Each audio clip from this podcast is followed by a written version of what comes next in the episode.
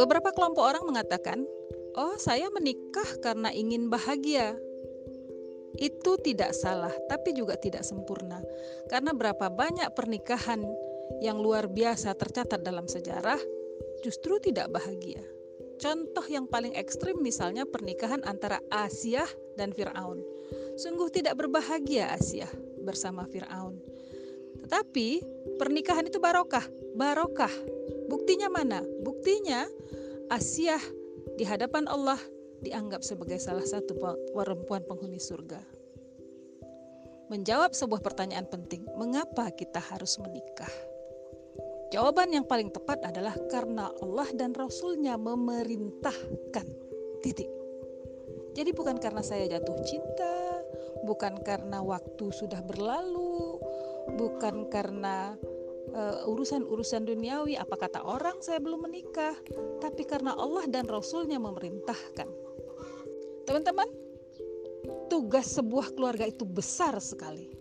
Dan terlebih seorang laki-laki dalam sebuah keluarga yang berposisi sebagai ayah itu besar sekali tugasnya. Kenapa? Dia akan dimintai pertanggungjawaban di dunia dan dia akan dimintai pertanggungjawaban di akhirat dengan sebuah pertanyaan, pernyataan yang luar biasa ku anfusakum wa ahlikum nar sehingga kelak di akhirat seorang laki-laki akan dimintai pertanggungjawaban atas istrinya dan anak-anaknya. Sungguh menyedihkan bila seorang laki-laki menjatuhkan pilihan pada seorang perempuan yang diangkatnya menjadi teman hidupnya, pendamping hidupnya, hanya menyandarkan pada keindahan, keelokan fisik. Sungguh keelokan fisik itu akan fana. Dan sungguh menyedihkan seorang perempuan yang menyandarkan uh, pikiran dan perasaannya pada seorang laki-laki semata-mata hanya karena kepemilikan hartanya, hanya karena impuls perasaan tergugah sesaat. Tidak. Menikah, membangun rumah tangga, dasarnya bukan cinta, dasarnya adalah tanggung jawab. Berani untuk mengambil resiko bertanggung jawab. Karena akad nikah itu misaqan ghalilan, ikatan yang kokoh antara diri kita dengan seseorang dengan saksinya adalah Allah ikatan yang sangat kokoh. Sehingga dalam sebuah rumah tangga tidak mudah orang mengucapkan kata cerai ketika ada pergesekan. Maka ketika sudah dengan ilmu dibangun sebuah rumah tangga, perlahan seiring waktu yakinlah cinta akan tumbuh. Apalagi kalau kemudian anak-anak sudah hadir.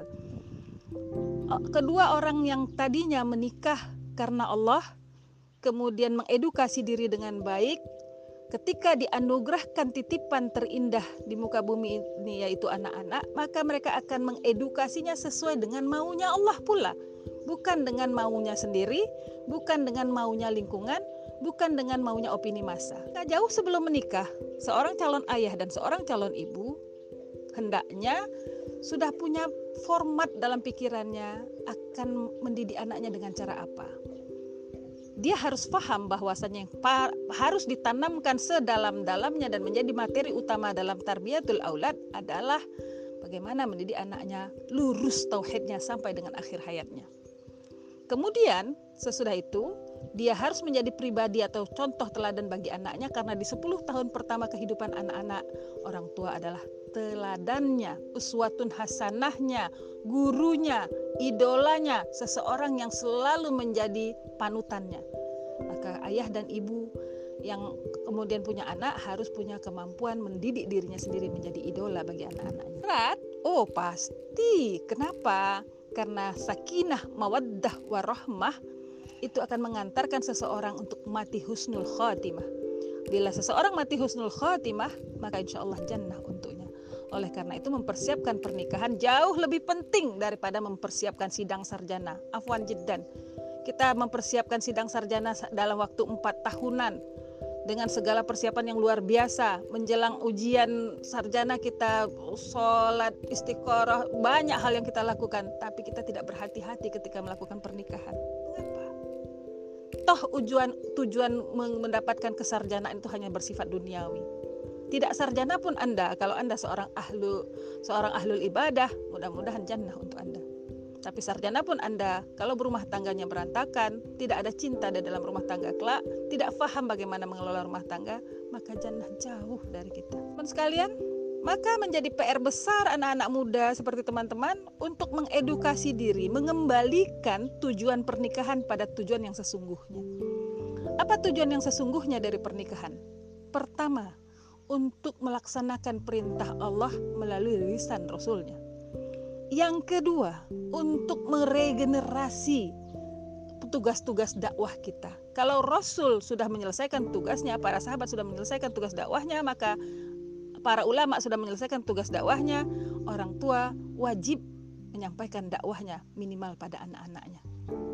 Maka rumah tangga itu targetnya adalah generasi berikut. Mudah-mudahan regenerasi robbani itu bukan jargon, tetapi sebuah kerja keras untuk menciptakan generasi robbani. Lalu generasi robbani itu apa indikatornya? Apakah Hafiz 30 juz seperti yang hari ini bertebaran di mana-mana? Ya dan tidak. Kalau targetnya hafal 30 juz agar dia mudah menghafal mendapatkan hikmah-hikmah Quran dan Sunnah, silahkan. Tapi kalau targetnya 30 juz hanya sekadar untuk dipamerkan, lebih baik jangan. Nah, teman-teman, untuk bisa tahu bagaimana sebuah keluarga dibangun dengan landasan semata-mata cinta kepada Allah dan Rasulnya, teman-teman silahkan buka sirah. Temukan betapa mutiara-mutiara rumah tangga yang sederhana di masa Rasulullah dan para sahabat itulah yang membangun peradaban Islam sampai menebar di muka bumi. Dan kalau teman-teman baca sirah di 500-600 tahun sesudah hijrah, teman-teman akan menemukan bagaimana fondasi rumah tangga juga dirusak untuk merusak Islam. Itu sebabnya Salahuddin Al-Ayubi harus merebut kembali tanah Palestina karena keluarga-keluarga sudah rusak edukasinya terhadap anak-anaknya. Karena kita akademisi, berpikirlah integrated. Jadi melihatnya dengan kacamata besar, kemudian menariknya kepada keseharian kita untuk kemudian di-apply atau diaplikasikan dalam kehidupan kita.